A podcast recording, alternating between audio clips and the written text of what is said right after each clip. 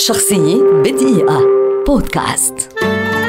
زكريا تامر. هو أديب سوري وواحد من أبرز كتاب القصة في العالم العربي. إلى جانب كتابته قصة الأطفال باللغة العربية. ولد تامر في دمشق عام 1931 وترك المدرسة في الثالثة عشرة ليساهم في إعالة أسرته. ولاحقا قام بتثقيف نفسه ذاتيا. نشر نصوصه القصصية الأولى عام 1957 وبفضل نجاحه عمل في مديرية التأليف والنشر في وزارة الثقافة السورية. ثم عمل في مناصب مختلفة فكان رئيس تحرير ومحررا ثقافيا في مجلات أدبية وثقافية عديدة. كما ترأس قسم الدراما التلفزيونية السورية وشارك في تأسيس اتحاد الكتاب العرب في سوريا. نشر زكريا تامر 11 مجموعة قصصية ومؤلفين يشتملان على المقالة الساخرة. إلى جانب مؤلفاته في مجال أدب الأطفال.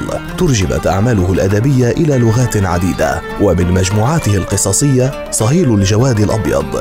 دمشق الحرائق القنفذ. يعد زكريا تامر من الكتاب العرب القلائل جدا الذين أبدعوا في كتابة القصة القصيرة ولم يزل ماضيا في دربه مواظبا وجادا ومجتهدا في تقديم قصة قصيرة بعوالم عربية دمشقية بحتة وبقلم مميز لا يشبه إلا نفسه وهو بذلك يكون من الكتاب العرب القلة الذين لم يسحرهم بريق ومتعة الرواية فيتركون القصة القصيرة ويدلفون في دهاليز الرواية ومن دون رجعة إلى القصة.